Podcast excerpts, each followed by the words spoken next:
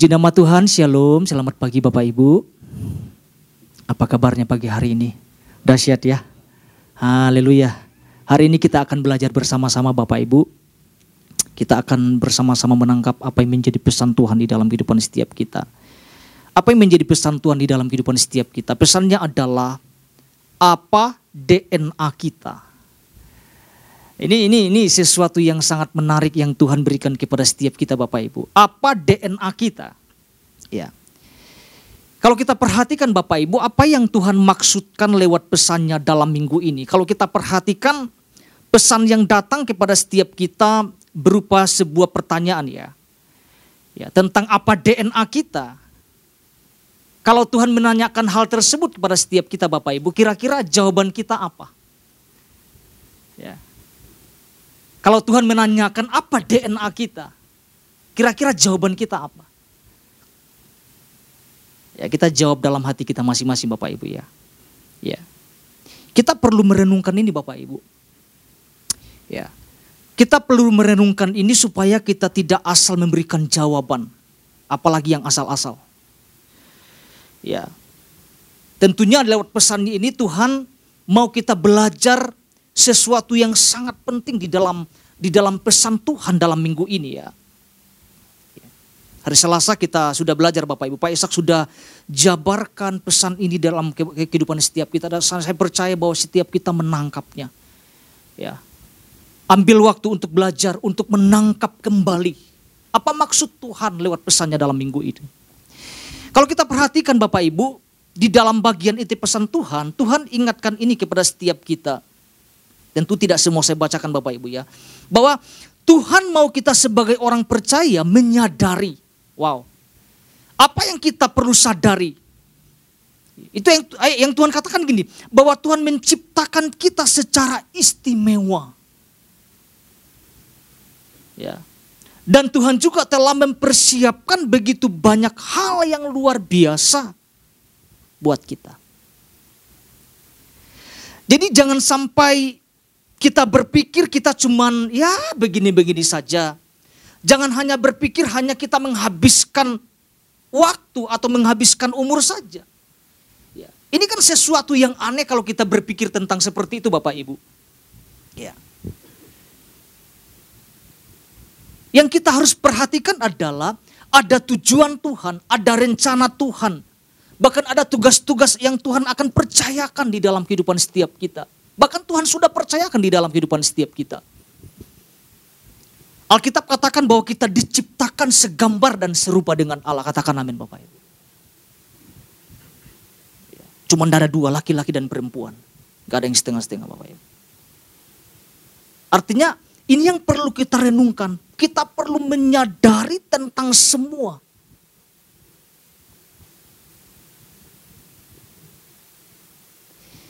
Karena jelas di dalam inti pesan dikatakan bahwa Tuhan begitu banyak hal yang luar biasa yang Tuhan telah persiapkan buat setiap kita. Kita lihat firman Tuhan Bapak Ibu. Mazmur pasar 139 ayat 14. Ini yang menjadi dasar pesan Tuhan buat setiap kita Bapak Ibu. Mazmur 139 ayat 14 demikian firman Tuhan. Aku bersyukur kepadamu oleh karena kejadianku dahsyat dan ajaib. Ajaib apa yang kau buat dan jiwaku benar-benar menyadarinya. Sekali lagi Bapak Ibu. Aku bersyukur kepadamu oleh karena kejadianku dahsyat dan ajaib. Ajaib apa yang kau buat dan jiwaku benar-benar menyadarinya. Kalau kita perhatikan Bapak Ibu, judul perikop dalam Alkitabnya adalah doa di hadapan Allah yang maha tahu. Ya, apa yang kita baca kalau kita perhatikan pemazmur mengungkapkan kekagumannya pada saat merenungkan kejadiannya yang begitu dahsyat dan ajaib di hadapan Tuhan.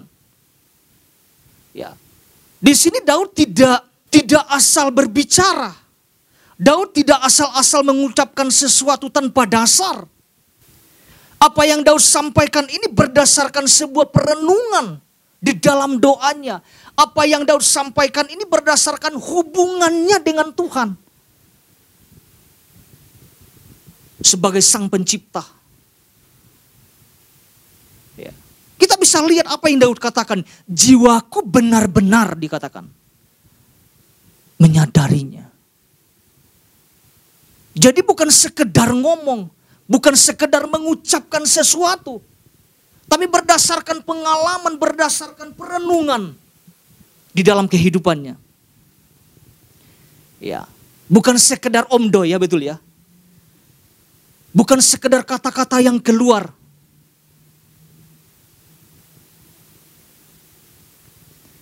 Pertanyaan buat setiap kita gini Bapak Ibu. Seberapa sadarkah kita bahwa kejadian kita itu dahsyat dan ajaib? Ini yang, yang perlu kita sadari.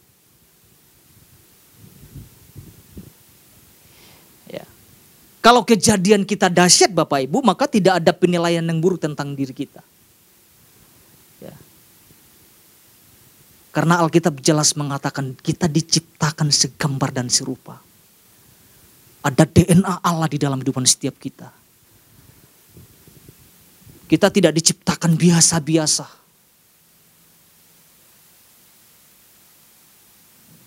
Ada DNA ilahi. Wow. Di dalam diri kita. Jadi jangan sampai kita menempelkan sesuatu yang negatif. Sesuatu yang buruk tentang diri kita.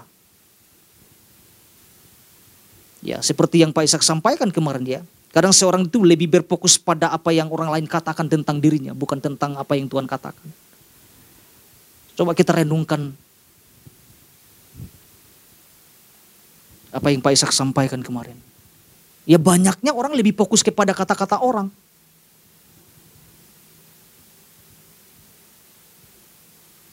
Ya, orang bilang kamu jelek, ya iya sih emang saya jelek. Ya orang-orang jelek itu gitu. Tapi kan bukan itu kan inti yang Tuhan mau sampaikan kepada setiap kita. Tuhan Tuhan tidak mau kita berfokus kepada kata-kata orang.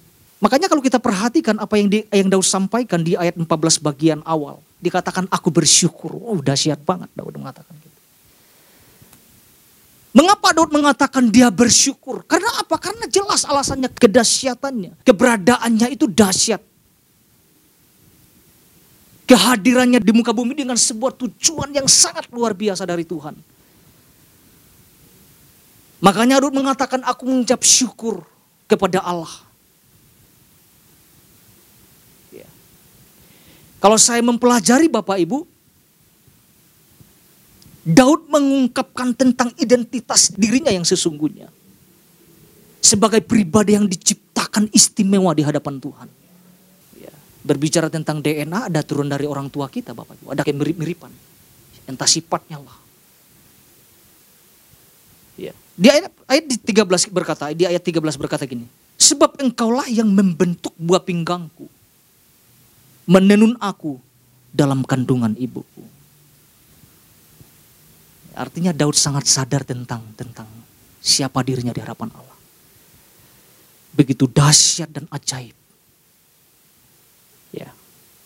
Pak Ishak sampaikan dua hal kemarin Bapak Ibu secara cepat saya akan sampaikan. Mengulas ya kembali ya. Supaya nyambung. Yang pertama sadari bahwa ada DNA ilahi di dalam diri kita. Dan ada Tuhan yang selalu ada buat kita untuk mengaktifasinya. Wow, luar biasa Bapak Ibu. Yang yang kedua, sadari ada standar yang Tuhan telah naikkan. Jangan kita turunkan lagi. Coba kita renungkan ini Bapak Ibu.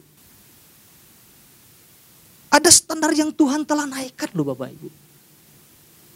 Jangan kita turunkan. Hari ini Bapak Ibu kita akan belajar satu hal Bapak Ibu.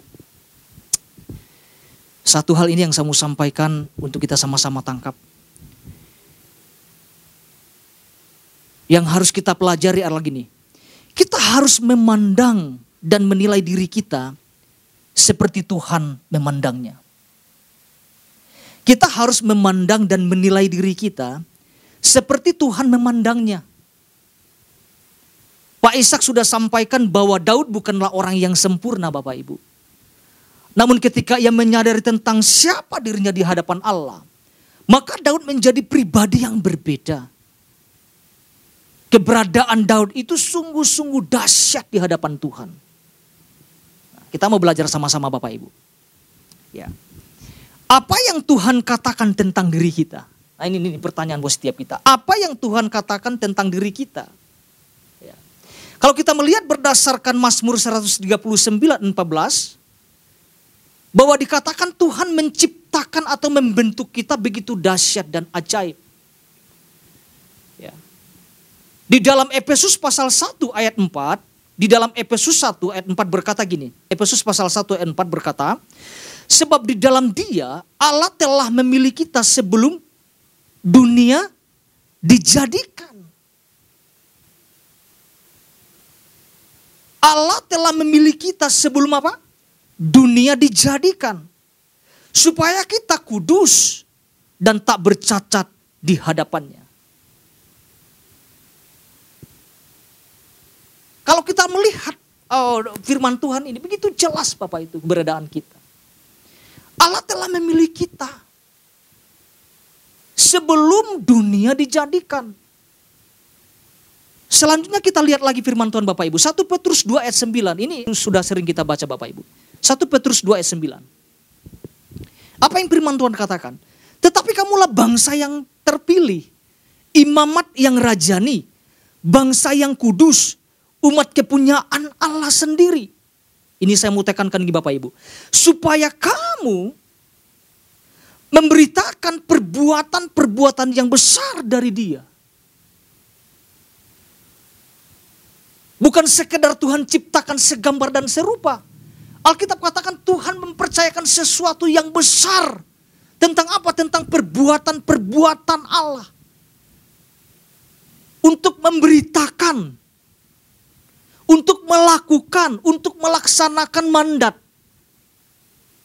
yang telah memanggil kamu keluar dari kegelapan kepada terangnya yang ajaib.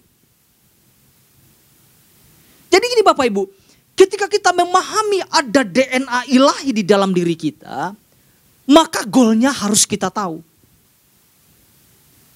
Golnya kita harus tahu. Alkitab sampaikan bahwa kita harus memberitakan harus melakukan apa yang harus kita lakukan tentang sebuah apa namanya perbuatan-perbuatan yang dahsyat dari Tuhan. Pekerjaan-pekerjaan yang Tuhan percayakan yang begitu dahsyat di dalam kehidupan setiap kita. Ya. Artinya semua sudah ada di dalam kehidupan setiap kita. Ya. Baik itu karunia seperti Pak Ishak sampaikan tentang potensi, tentang kuasa, tentang urapan ada di dalam kehidupan setiap kita. Ada banyak hal yang lainnya Bapak Ibu. Ya. Mari kita lihat firman Tuhan di dalam Roma pasal 8 ayat 29. Di dalam Roma pasal 8 ayat 29 Bapak Ibu. Apa yang firman Tuhan katakan di sini?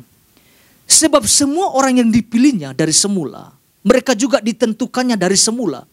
Untuk menjadi apa? Untuk menjadi serupa dengan gambaran anaknya. Supaya ia anaknya itu menjadi apa yang firman katakan? Yang sulung di antara banyak saudara. Artinya Yesus menjadi yang sulung di antara banyak saudara berarti gini. Memiliki DNA yang sama. Yang berasal dari Bapa. Begitu luar biasanya. Kita diciptakan begitu dahsyat dan ajaib. Kita bersyukur Bapak Ibu. Tuhan kasih pesan ini kepada setiap kita. Saya percaya setiap kita punya perenungan masing-masing. Ketika Tuhan memberikan, memberikan pesan ini kepada setiap kita. Saya yakin dan percaya. Setiap kita menangkap sesuatu. Saya per, saya percaya gini, ada sesuatu yang berubah. Ketika kita memahami tentang DNA Allah ada di dalam diri kita.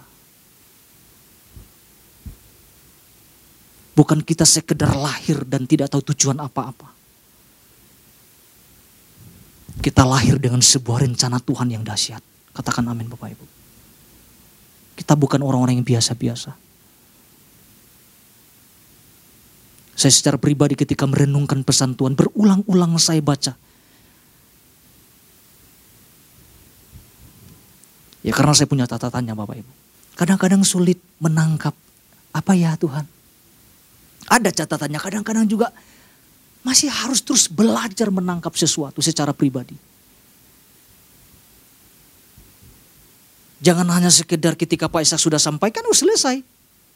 Nunggu minggu depan. Ini terus berkelanjutan di dalam kehidupan setiap kita.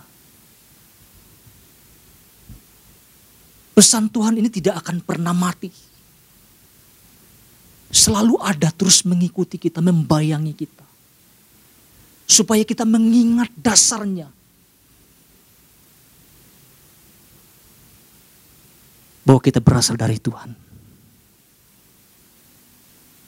Ya karena dia yang menciptakan kita serupa dengan gambarnya. Selanjutnya apalagi Bapak Ibu? Sekarang apa yang kita katakan tentang diri kita? Nah kita mau lihat sama-sama Bapak Ibu. Tadi kan eh, apa yang Tuhan katakan tentang diri kita, sekarang apa yang kita katakan tentang diri kita. Umumnya Bapak Ibu ya, kadang kita orang percaya suka salah menilai tentang diri kita di hadapan Tuhan. Sebetulnya Tuhan tidak menilai kita seperti kita menilai diri kita, ya. Yang sering terlihat itu, yang sering yang yang, yang sering terlihat tentang diri kita itu tentang kekurangan, tentang kelemahan, ketidakberdayaan kita. Tapi kalau kita fokus tentang tentang kelemahan ini maka segala potensi yang ada di dalam diri kita itu terpendam loh Bapak Ibu. Segala potensi yang Tuhan berikan di dalam kehidupan setiap kita terkubur. Menjadi tidak menjadi apa-apa. Kita mau lihat kita mau lihat contoh ya Bapak Ibu ya. Kita akan belajar kepada satu contoh pribadi tentang Gideon Bapak Ibu. Wah ini ini ini, saya merenungkan sesuatu yang luar biasa di sini. Ya. Gideon melihat dirinya lemah dan tidak berdaya. Namun yang Tuhan lihat berbeda dengan yang Gideon lihat. Mari kita lihat firman Tuhan Bapak Ibu. Hakim-hakim pasal 6. Hakim-hakim pasal 6 ayat 12. Nanti kita juga ayat lihat ayat 14 dan 15 Bapak Ibu. Ayat 12 dulu. Ayat 12, 14, 15. Kita akan lihat bersama-sama Bapak Ibu. Firman Tuhan berkata ayat 12, malaikat Tuhan menampakkan diri kepadanya dan berfirman kepadanya demikian. Tuhan menyertai engkau ya pahlawan yang gagah berani. Ayat 14. Lalu berpalinglah Tuhan kepadanya dan berfirman, pergilah dengan kekuatanmu ini dan selamatkanlah orang Israel dari cengkeraman orang Midian. Bukankah aku mengutus engkau? Ayat 15. Tetapi jawabnya kepadanya, ah Tuhanku, dengan apakah akan kuselamatkan orang Israel? Ketahuilah, kaumku adalah yang paling kecil di antara suku Manasye. Dan aku pun seorang yang paling muda di antara kaum keluargaku. Kita bisa melihat di sini bahwa apa yang Tuhan lihat ternyata berbeda apa yang Gideon lihat tentang dirinya. Pernah nggak kita ada dalam posisi seperti ini Bapak Ibu? Tuhan ngomong kepada Gideon kamu pahlawan yang gagah berani. Tapi Gideon melihat dirinya, saya mah apa? Saya dari kaum yang paling kecil. Dan di dalam keluarga aku yang paling termuda. Pernah nggak kita di dalam posisi seperti ini? Ketika Tuhan mempercayakan sesuatu yang besar, kita ngomong Tuhan, aku ini kecil, aku ini nggak bisa ngapa-ngapain loh. Gideon menilai dirinya tidak mampu melakukan apa-apa. Padahal Tuhan mengatakan dia sebagai pahlawan yang gagah berani. Namun sangat berbeda ketika gini Bapak Ibu. Ketika Gideon menyadari tentang dirinya di hadapan Allah.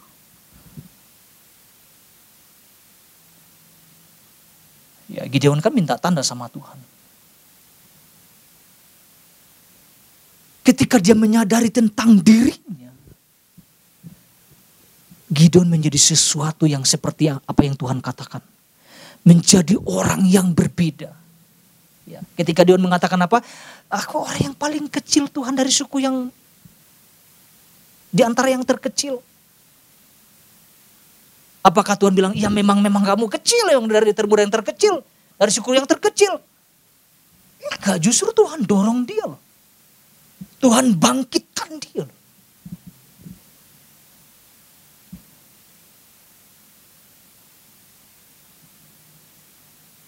Sangat berbeda.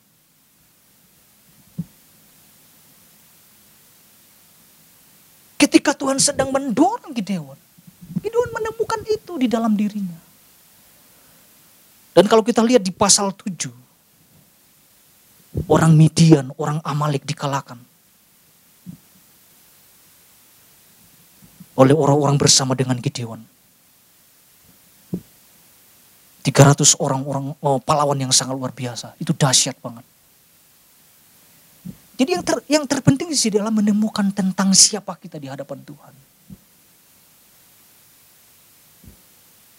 Tuhan tidak asal-asal bicara. Hai pahlawan yang gagah berani, Tuhan tidak asal-asal bicara. Tapi kadang-kadang gini kerap kali melihat diri kita tidak tidak bisa mampu melakukan apa pun. Yang yang terpenting di sini apa perkataan Tuhan tentang tentang diri Gideon. Itu berlaku kepada setiap kita. Dan pesan ini datang kepada setiap kita Bapak Ibu. Bahwa kejadian kita itu dahsyat dan ajaib di hadapan Tuhan. Ya. Seperti yang Daud katakan. Jadi lewat pesan Tuhan ini Bapak Ibu, Tuhan sedang menegaskan kepada setiap kita. Tentang apa? Tentang apa DNA kita. Saya percaya kita sudah menangkapnya Bapak Ibu. Saya sampaikan ada DNA ilahi di dalam diri kita. Dan kita bukan orang-orang yang sembarangan. Kita akan lihat ayat penutupnya Bapak Ibu. Jadi satu hal ini yang kita dapat sama-sama pelajari.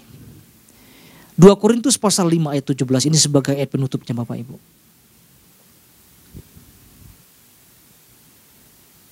Puji Tuhan. Jadi siapa yang ada di dalam Kristus, ia adalah ciptaan baru. Yang lama sudah berlalu, sesungguhnya yang baru sudah datang. Tuhan Yesus memberkati setiap kita.